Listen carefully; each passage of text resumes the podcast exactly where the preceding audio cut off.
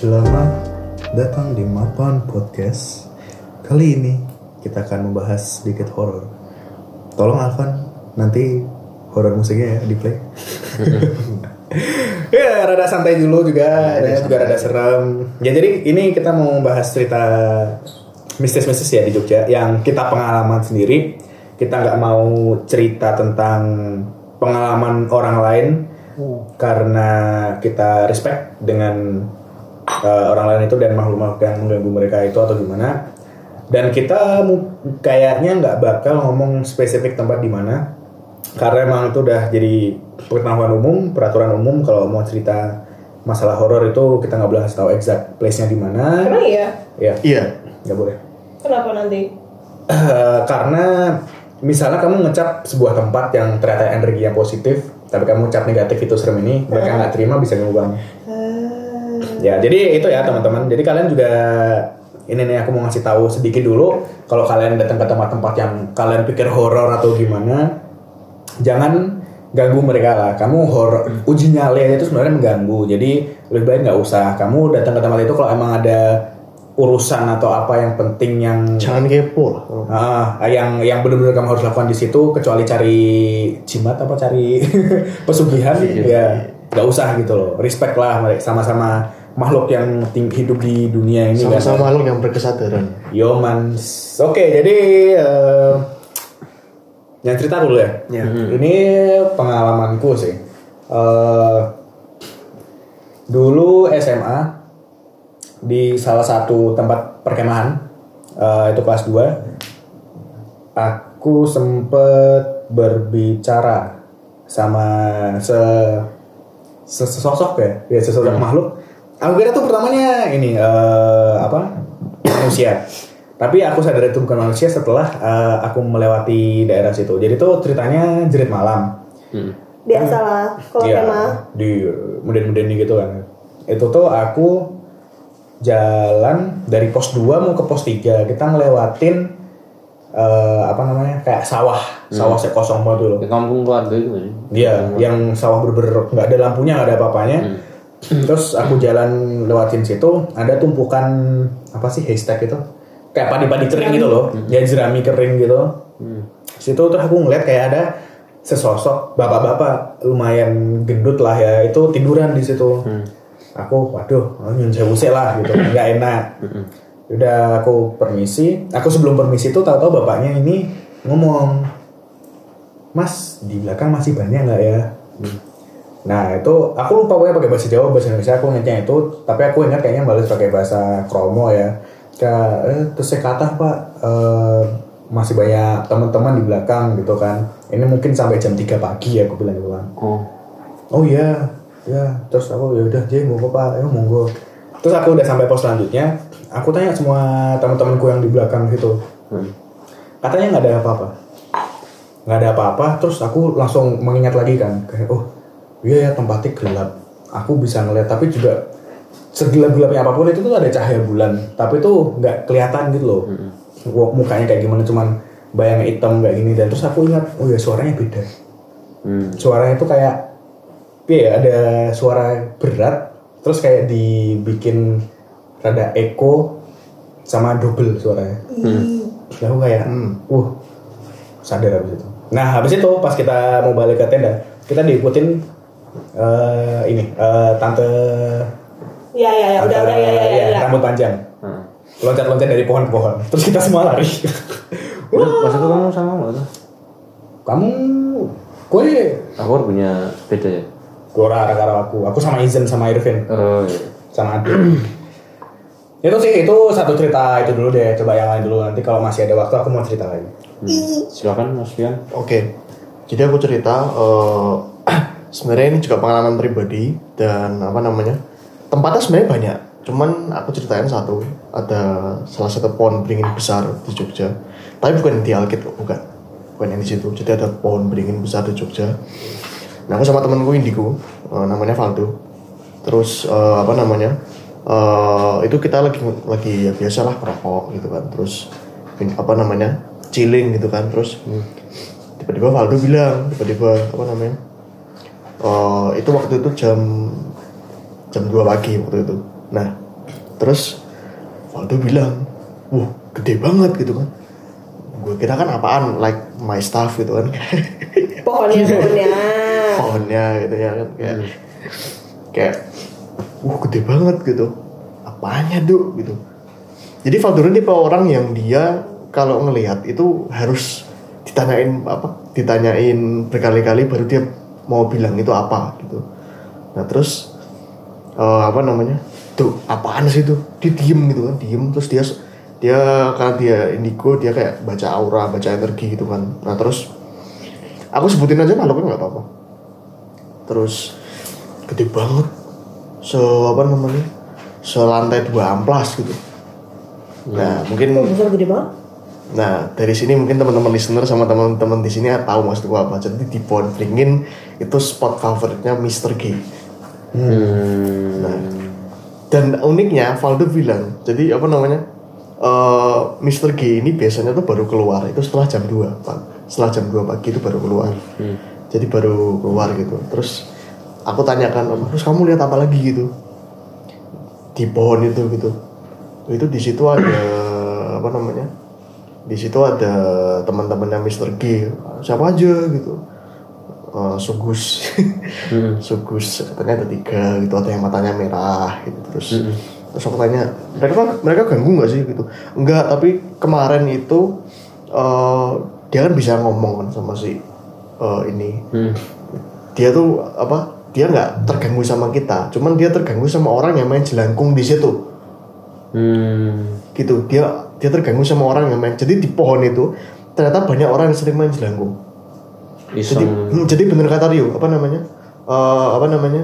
Eh, nggak nggak boleh kepo-kepo sok-sok yang buat konten lah buat buat video YouTube lah. Jadi jangan gitu loh. Soalnya kalau dia ada ilmunya terus tujuannya buat sesuatu yang iya dan apa? Dan pokoknya Nggak intinya ditanyain sama pak temanku ini kan apa namanya? Dia terganggu sama keberadaan kita? Enggak enggak enggak gitu. Terus cuman apa si Mr. Gaya cerita gitu. Kamu ada niat main sama kita atau enggak? Main kan bingung main apaan gitu. Terus terus jelasin mungkin kayak main jelangkung gitu. Terus aku tanya sama terus aku tanya sama penjaga burjonya apa namanya? Pak itu di pohon itu sering ada apa? Oh itu biasa anak-anak gitu youtubean main terus main. Itulah pakai boneka-bonekaan. Ah oke.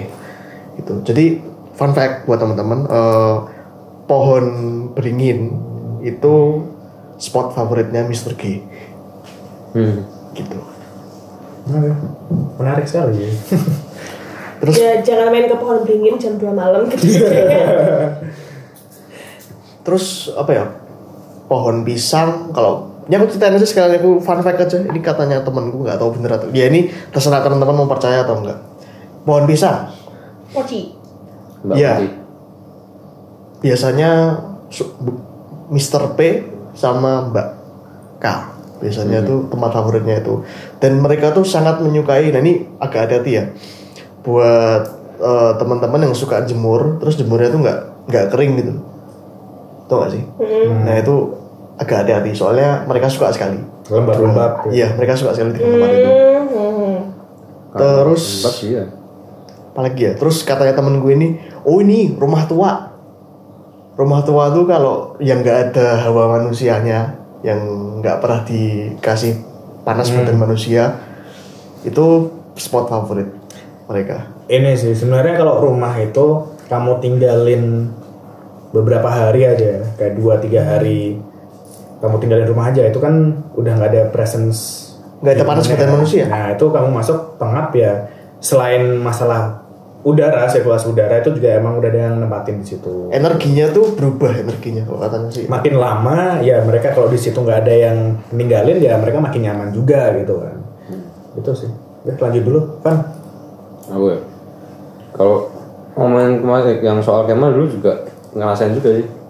yang kemah itu pas lagi jalan sendiri kan ada pohon pisang juga itu kan Hmm.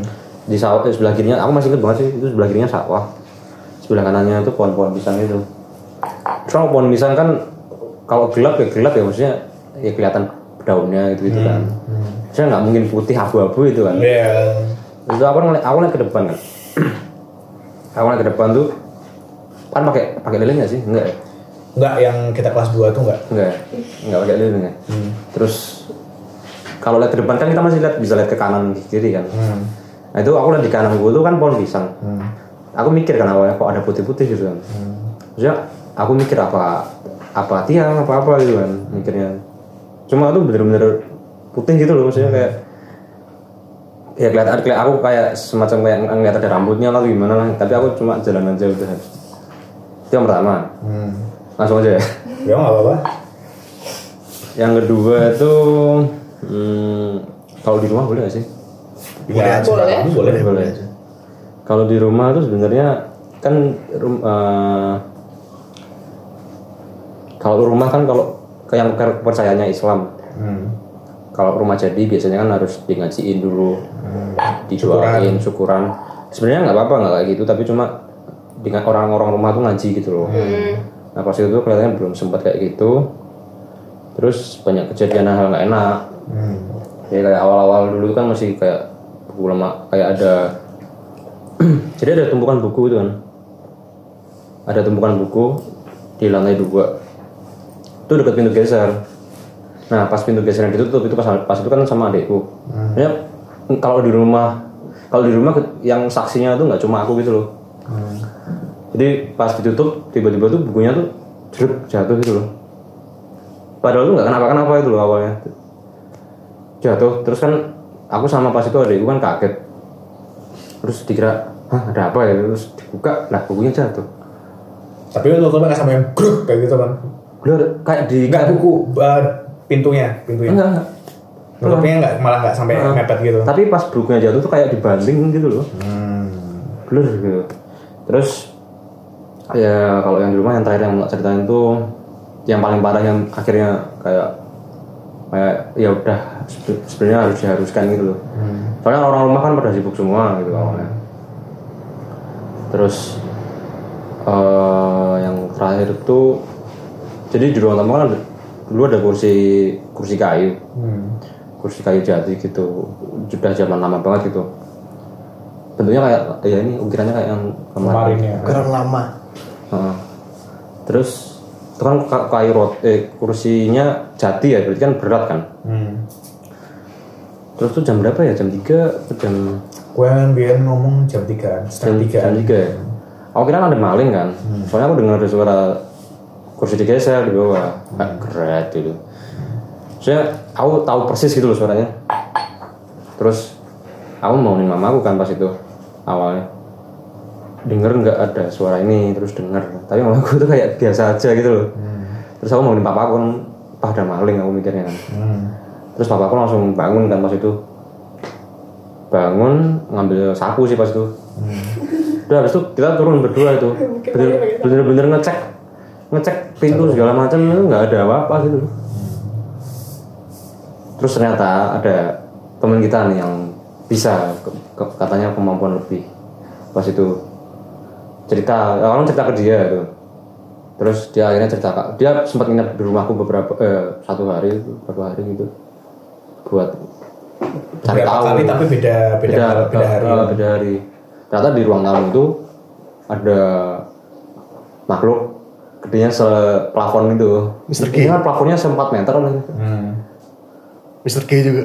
nggak tahu nggak nggak cerita tapi gede banget terus katanya udah udah nggak ada sih cuma maksudnya selama ada orang sholat ada orang ngaji di sini nggak masalah cuma pas itu kamu pernah ikut pengajian itu tak ajak Iya. pengajiannya Aku tahu triggernya yang paling parah yang bikin kejadian di rumahmu itu soalnya aku ingat berapa minggu sebelum itu tuh ada Mas Rio, hmm ada kita Novian juga, terus ada siapa lagi?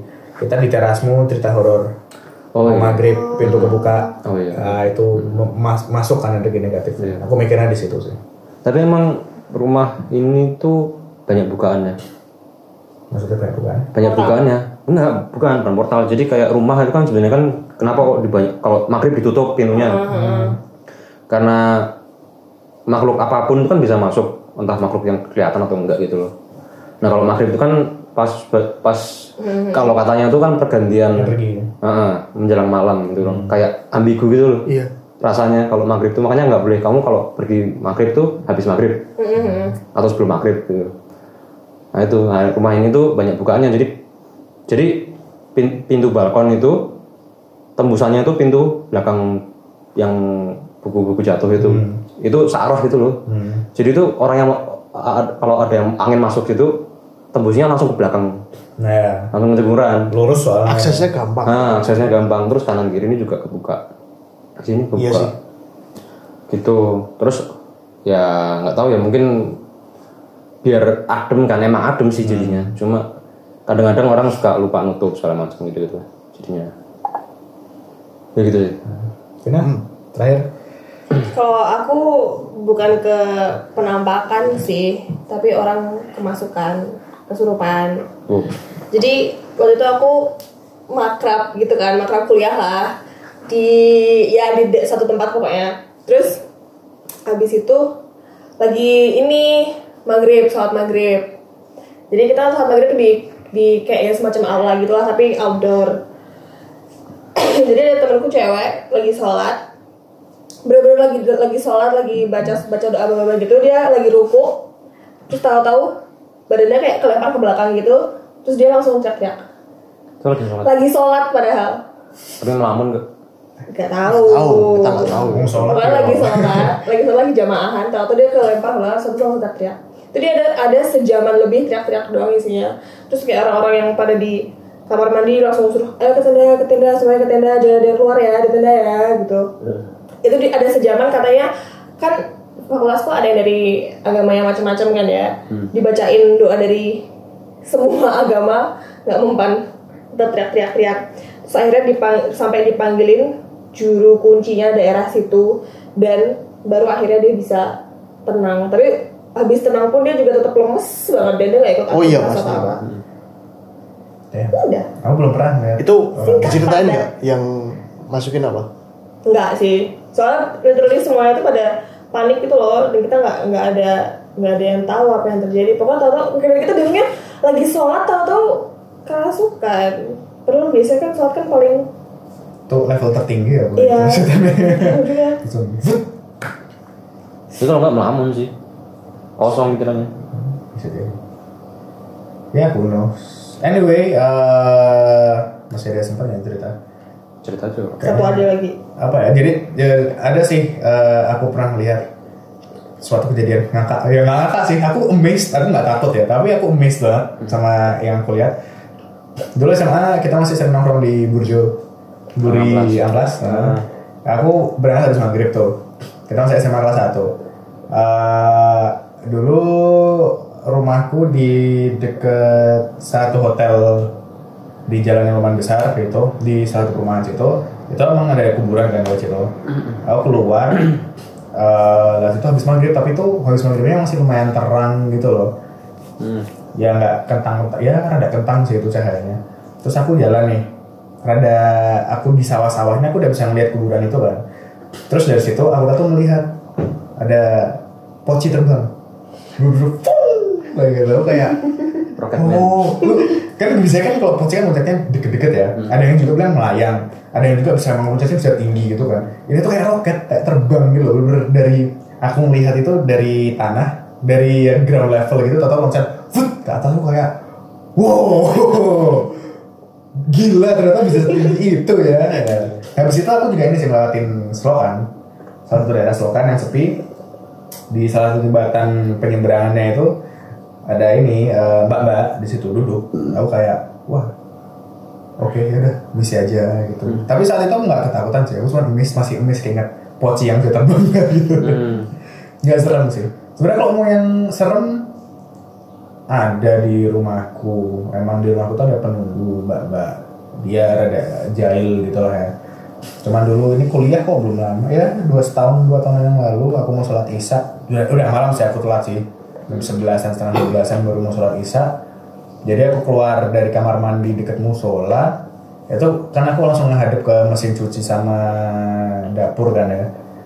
Habis itu eh, aku melihat mbak-mbak ini tuh lagi lagi duduk itu loh di depan mesin cucinya. Kayak duduknya tuh apa sih nih ini namanya apa duduk kayak gini? Bukan sih. Tayat. Nyam, nyamping. nyamping apa ya bahasa Jawa nih duduk apa ya? Tahiyat dah. ya pokoknya duduk kayak kayak kayak lagi tahiyat loh atau lagi apa lagi sujud ke duduk itu. Nah duduknya kayak gitu miring gitu kan. Aku nggak tahu dia ngeliat ke mana aku cuma oh, misi aku mau sholat jangan ganggu gitu kan ya. Pokoknya aku mau sholat. Aku keluar dari musola itu ngeliat kan masih ada aku nggak tahu fungsinya apa. Terus aku kayak nggak bisa tidur aja itu sih Cukup atau masih ada lagi mau kita? kalau ya ini conclusion ya jadi eh, ya teman-teman yang suka cari yang mungkin OTW jadi youtuber terkenal apa gimana yang dengerin ini jangan iseng mencoba uji nyali atau mainan apa sih? Jelangkung. jelangkung atau apa yang Ouija board atau apa di tempat yang serem karena belum tentu mereka itu suka sama hal itu dan malah biasanya mengganggu. Eh, dan kamu juga jangan kalian jangan asal bilang sesuatu tempat yang kelihatan angker itu sebenarnya isinya Positif. yang jahat. Tapi itu juga bisa itu isinya negatif apa isinya positif. Dan kalau kamu emang jahatin kayak gitu kan ya kamu sama aja kayak apa sih namanya? Nuduh, Eh, kamu nuduh. fitnah suzon ya. Mereka juga nggak terima bro. ya mereka juga nggak terima gitu. Bisa aja kamu lewat situ dicelakakan apa gimana ambuh ya nggak tahu gitu. Terus nah kalau maghrib emang ya kalau bisa jangan keluar pas banget pas maghrib. Kalau kalian ngerasain aja walaupun naik motor ya maghrib maghrib eh, sebelum azan itu tuh badanmu tuh bakal kerasa anget dan tapi hawanya tuh dingin. Jadi kamu kayak rasa sakit gitu Hmm. yang kecapean. Nah itu titik itulah di saat pergantian energi sebelum azan maghrib. Itu yang aku paling sering rasain. Soalnya beberapa kali hari ini eh beberapa ke hari minggu ini aku keluar eh, pas pulang itu pas maghrib jadi aku ya mau nggak mau merasakan hal itu yang hal yang nggak enak gitu sebenarnya terus sih ada tambahan lain sebelum saya tutup Ini kalau teman-teman ada cerita yang kayak gini juga bisa DM kita. Nanti Hmm. kita bisa baca-baca juga buat referensi. Ya, kalau kalian mau ceritain hal yang serem, mau share story kalian, kita bisa undang kalian karena eh, sebenarnya kita gimana ya kurang kalau nggak ada izinnya buat kita cerita dari dari entitas itu dan dari anda itu jadi ada dampak negatif ke kita. Gitu. Tahu udah bilang sih. ya ya jangan sampai sih tapi ya sepengetahuan saya seperti itu. Jadi kalau mau cerita menceritakan biar semua orang tahu silahkan DM kita. Kom- eh, ngomongnya mas mbak saya ingin cerita Eh, oke jadi gitu aja. Sampai ketemu lagi. Terima kasih sudah mendengarkan. di episode selanjutnya